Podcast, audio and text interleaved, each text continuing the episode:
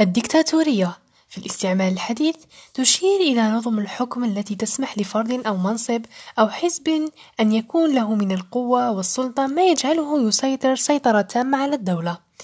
فيقرر منفردا كل التحركات والقرارات السياسية وأن يفرض الطاعة على كل المواطنين ليبقوا صاغرين كل ما يصدر عنه من تحركات وأفعال. ويرادف بعض علماء السياسة المعاصرين بين لفظ الديكتاتورية وألفاظ مثل طغيان، استبداد، أوتقراطية، قيصرية، تسلطية، وأيضا شمولية، وهذا ما كان.